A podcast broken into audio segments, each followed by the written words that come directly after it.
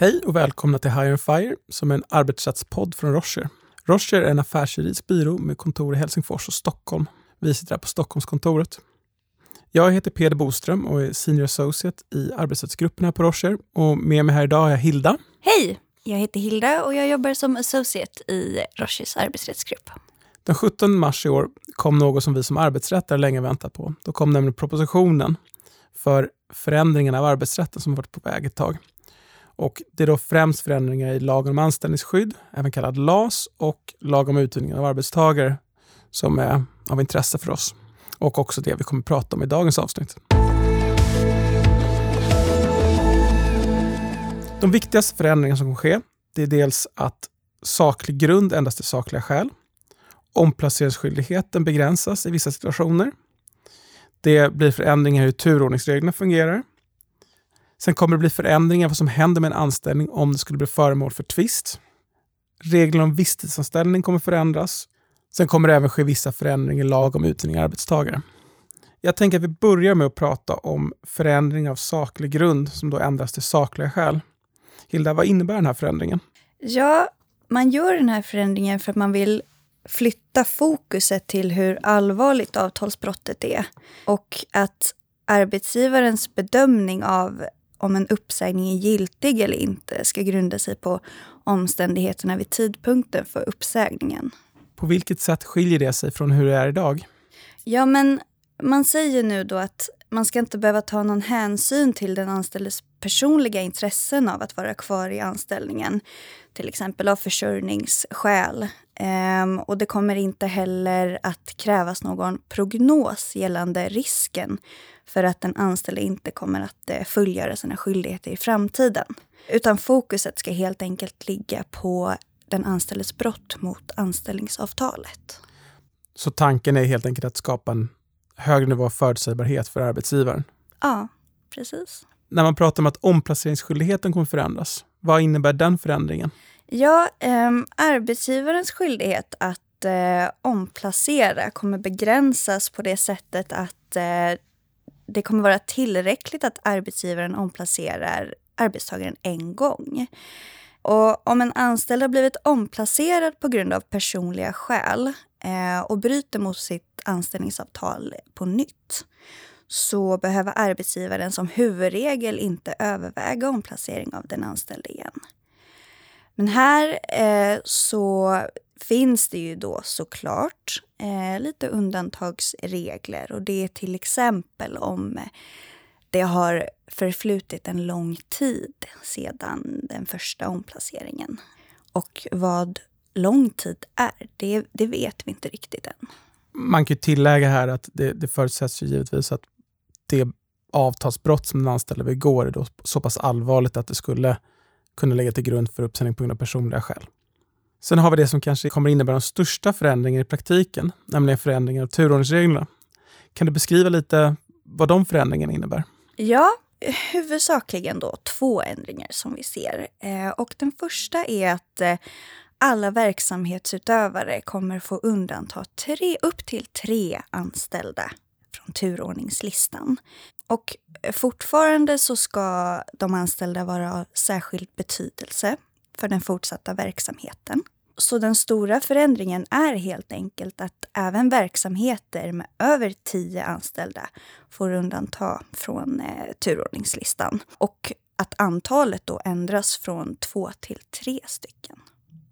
Och sen så ser vi den andra förändringen, eh, nämligen att turordningslistan ska användas vid förändringar av anställdas sysselsättningsgrader på grund av omorganisation. Och det innebär ju att arbetsgivaren inte får välja fritt vem man ska erbjuda reducerad arbetstid. Eh, utan de arbetstagarna som har kortast anställningstid hos arbetsgivaren, de ska i första hand få sin eh, sysselsättningsgrad reducerad. Och dessutom så ska reduceringen eh, prioriteras efter lägsta sysselsättningsgrad, vilket innebär att den anställde med den kortaste anställningstiden ska erbjuda lägsta antalet timmar.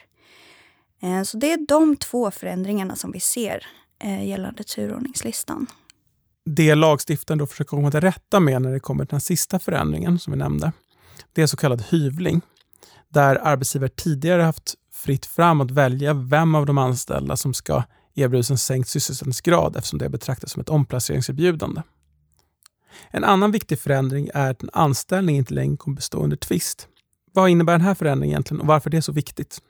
Ja, det är som du säger en viktig och spännande förändring. Eh, för om en arbetsgivare har sagt upp en arbetstagare så ska anställningen upphöra vid uppsägningens utgång. Även om det har uppkommit en tvist om uppsägningens giltighet. Eh, och dessutom så kommer det inte längre vara möjligt att interimistiskt besluta om att anställningen ska fortsätta under den tiden tvisten pågår och tills tvisten är slutligt avgjord. För idag så är reglerna så att anställningen består under tvisten eh, vilket innebär att arbetsgivaren står kvar med alla lönekostnader. Och Peder, vad, vad, har, det, vad, in, vad har det inneburit för arbetsgivaren? Konsekvenserna av att arbetsgivaren är skyldig att betala lön under tiden tvisten pågår har varit att arbetsgivare har träffat förlikningar som egentligen kanske inte har varit motiverade ur ett rent processperspektiv. Alltså att arbetsgivaren kan ha haft ganska goda förutsättningar att vinna tvisten men har ändå varit tvungen att betala den anställde ganska stora summor bara för att inte behöva ha tvisten. Och de här nya reglerna kommer då alltså innebära att arbetsgivare faktiskt kommer kunna värdera vilka förutsättningar man har att vinna tvisten snarare än att bara titta på vilken lön man kommer tvingas betala under tiden tvisten pågår. För att då i viss utsträckning kompensera arbetstagarna för då den här förlusten det här innebär så har man också bestämt att skadestånden kommer att öka. Och till exempel så föreslås det att skadestånd för felaktig uppsägning höjs från cirka 135 000 till cirka 190 000 kronor. Vilka förändringar kommer ske gällande visstidsanställningar? Ja, eh, bland annat så kommer eh, begreppet allmän visstid att ersättas med särskild visstid. Eh, och det här är för att understryka att den liksom standardanställningsformen alltid ska vara tills vidare. Det ska helt enkelt vara normen.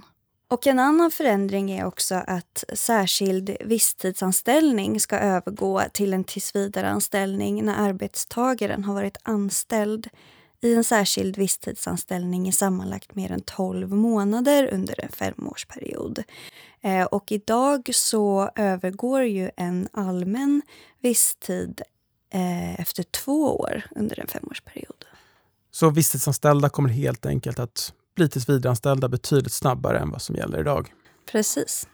Och sen så eh, förändras också kvalifikationstiden på så sätt att eh, visstidsanställdas företrädesrätt vid återanställning till en ny särskild visstidsanställning den kommer att minskas från 12 till 9 månader inom en treårsperiod. Den sista förändringen vi ska prata om idag det gäller begränsningar för möjligheten att hyra in arbetskraft, så kallad bemanning. Vad kommer förändras där? Ja, ett företag som använder sig av inhyrd personal kommer att behöva erbjuda sån personal en tillsvidareanställning hos företaget om personalen har varit engagerad inom samma driftsenhet i sammanlagt mer än 24 månader under en eh, period om 36 månader. Så det är en ganska stor förändring. Vad som dock kan vara bra att komma ihåg är att det bara är tid då en konsult varit uthyrd till ett företag från och med den 1 oktober 2022 som räknas. Så det är alltså tidigast då från 1 oktober 2024 som de här reglerna egentligen kommer i spel. Och som ett alternativ till eh, tills vidare anställningserbjudandet så kan företaget erbjuda en kompensationsbetalning till personalen och den ska motsvara två månadslöner. Men vad, vad händer om den anställde tackar nej till det här eller om man då betalat de här två månadslönerna? Kommer man att skylla betala två månadslöner på nytt eller lämna nya erbjudanden allt eftersom? Själva erbjudandet om tillsvidareanställningen det räcker att eh, företaget ger eh, en gång. Och Det innebär ju att om personen i fråga avböjer erbjudandet så är företaget inte skyldig att erbjuda en eh, ny anställning. Och det gäller även om personen i fråga eh, fortsättningsvis är engagerad i, i samma driftsenhet. Men vad gäller kompensationsbetalningen så, så framgår faktiskt inte det helt av propositionen. Men i dagsläget så tolkar vi det som att det räcker att göra utbetalningen en gång. Men som sagt, eh, det, det är inte helt klart. Och det är inte heller så att om en arbetsgivare erbjuder en tillsvidareanställning och den anställde tackar nej så finns det naturligtvis ingen skyldighet att också erbjuda de här två månadslönerna som kompensation. Utan tackar den anställde nej så har den anställde tackat nej till erbjudandet. Precis. Sammanfattningsvis så blir det rätt stora förändringar gällande hur anställningstryggheten kommer se ut på svensk arbetsmarknad framöver. Framförallt kan man förvänta sig då att förändringar gällande turordningsreglerna och arbetsgivarens skyldighet att betala lön under tiden tvist pågår kommer få stor betydelse för hur själva anställningstryggheten ser ut. Förändringarna vad gäller att erbjuda ett bemanningspersonal att bli tillsvidareanställda i verksamheten kommer innebära stora förändringar gällande hur företag kan använda sig av konsulter i sin verksamhet. Med de orden så avslutar vi den här podden. Våra kontaktuppgifter finns på vår hemsida om ni skulle ha några frågor eller funderingar kring dagens poddavsnitt eller några andra frågor för den delen. Tack för mig. Hej då!